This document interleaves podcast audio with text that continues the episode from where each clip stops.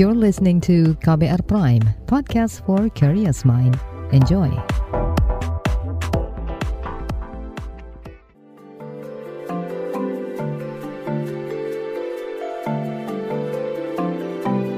Saga, cerita tentang nama, peristiwa, dan fakta.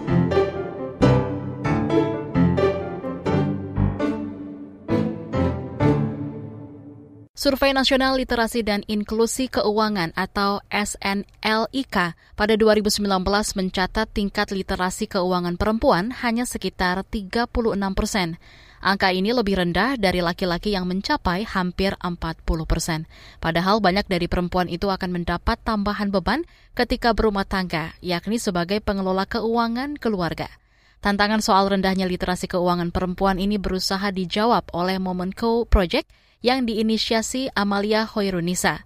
Jurnalis KBR Valda Kustarini berkesempatan mewawancarai Amalia tentang pergulatannya mengedukasi banyak perempuan melalui platform ini.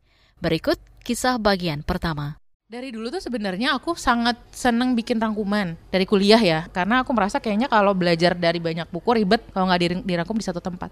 Jadi sebenarnya itu hanya experience yang atau hal yang biasa aku lakukan ya. Mencatat, mengarsip, dan mendokumentasikan perjalanan hidup merupakan kegemaran Amalia Hoirunisa. Di era media sosial, hobinya kian bertambah, yakni mengubah catatan itu jadi konten yang kemudian diunggah. Pada 2018, perempuan yang akrab dipanggil Lia ini iseng-iseng membagikan pengalamannya menyiapkan dana pernikahan via Instagram. Kenapa dana pernikahan? Mungkin karena itu hal yang baru buatku.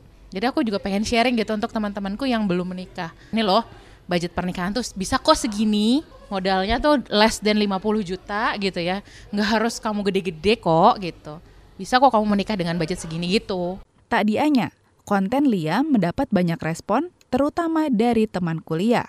Beberapa bahkan mengirim pesan pribadi dan memintanya berbagi tips soal mengelola keuangan. Lia pun menyanggupi. Di grup mungkin lebih dari lima orang ya. Terus habis itu siapa yang mau ketemuan offline? Oh ternyata cuma bisa lima. Ya udah tapi yang datang? Tiga. Aku ada siapin materi. Jadi itu kayak cikal bakalnya kelas momen yang sekarang. Belajar budgeting belajar ngitung tujuan keuangan. Temanya ya financial planning aja Melihat animo masyarakat yang terus meningkat, muncul ide untuk mengubahnya menjadi bisnis. Di tahun yang sama, lahirlah Momen Q.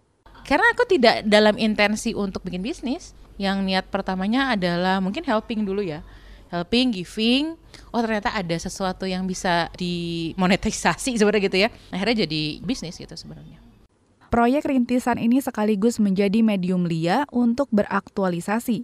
Ia sempat stres karena berstatus sebagai ibu rumah tangga. Aku dulu habis kerja, terus jadi ibu rumah tangga gitu, without money gitu ya, tanpa pemasukan apa pun, itu stresnya luar biasa. Kayaknya cuma ditanya sama ibu mertua gimana, kabarnya tersinggung gitu dan akhirnya jadi sensitif juga ke anak sensitif juga ke suami ke hubungan jadi nggak baik tapi once aku jadi punya sesuatu yang aku kerjakan walaupun cuman project kecil gitu ya momen Q aku jadi lebih merasa menghargai diriku sendiri Nama Momen Q merepresentasikan peran krusial ibu sebagai pengelola keuangan keluarga. Momen Q itu singkatan dari MAM, Menkyu itu Menteri Keuangan. Fokus kita adalah membantu ibu-ibu, MAM yang mau menjadi Menteri Keuangan untuk bisa saving money, bisa manage keuangan sama nambah pemasukan. Di tahun yang sama, Lia membuka kelas berbayar dengan harga Rp50.000. Biaya dipatok murah agar bisa menjangkau kalangan bawah.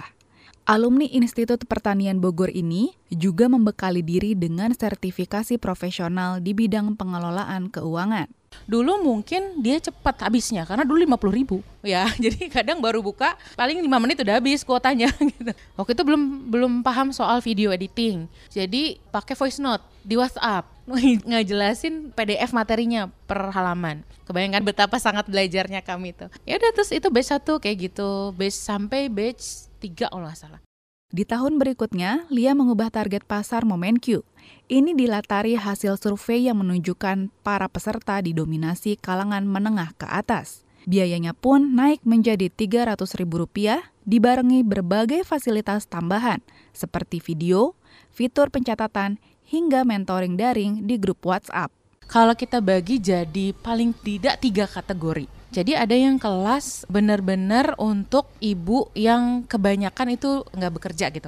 Jadi kebanyakan ibu rumah tangga dapat uang dari suami dan dia struggling sekali untuk bisa mengatur keuangan yang diberikan sama suami. Itu kelas pertama. Kelas kedua adalah dia punya income sendiri atau dia nggak punya income sendiri tapi dari suaminya tuh lebih. Nah di momen Q kebanyakan ibu bekerja. Jadi mereka punya income sendiri dan mereka struggling untuk ngatur dengan suaminya. Makanya pendekatan kita di momen Q itu kita belajar budgeting dan tujuan keuangan yang udah lebih banyak.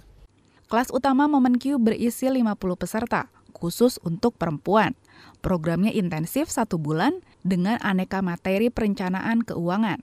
Minggu pertama kita akan minta mereka untuk memetakan aset dan utang. Yang kedua adalah mulai budgeting. Minggu ketiga kita bantu. Sekarang aku udah punya harta ini, punya utang ini, punya budget ini. Gimana caranya uang yang aku tabung tiap bulan atau cicilan yang aku bayar tiap bulan itu bisa mencapai tujuan keuanganku. Nah, minggu keempat adalah evaluasi.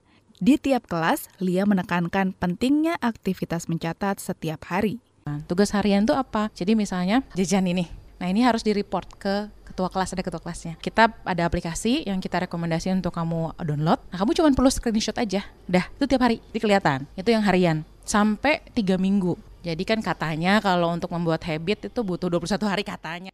Selain materi dasar perencanaan keuangan, Lia juga membuka kelas tematik, misalnya tentang investasi. Kalau kelas tematik itu berarti dapatnya video, worksheet buat langsung ngerjain ini ya, sama grup buat bertanya dan itu nggak harus ikutan yang basic dulu bebas kalau yang yang tematik itu siapa pun bisa Hingga 2022 sudah ada 2000-an alumni kelas Momenq. Namun, Lia enggan berpuas diri.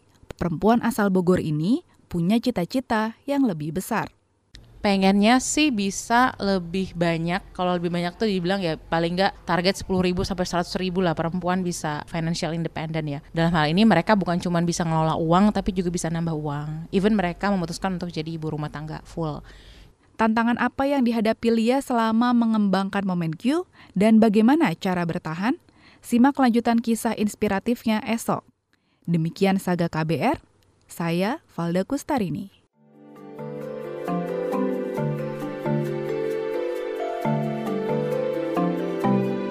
Saga, cerita tentang nama, peristiwa, dan fakta.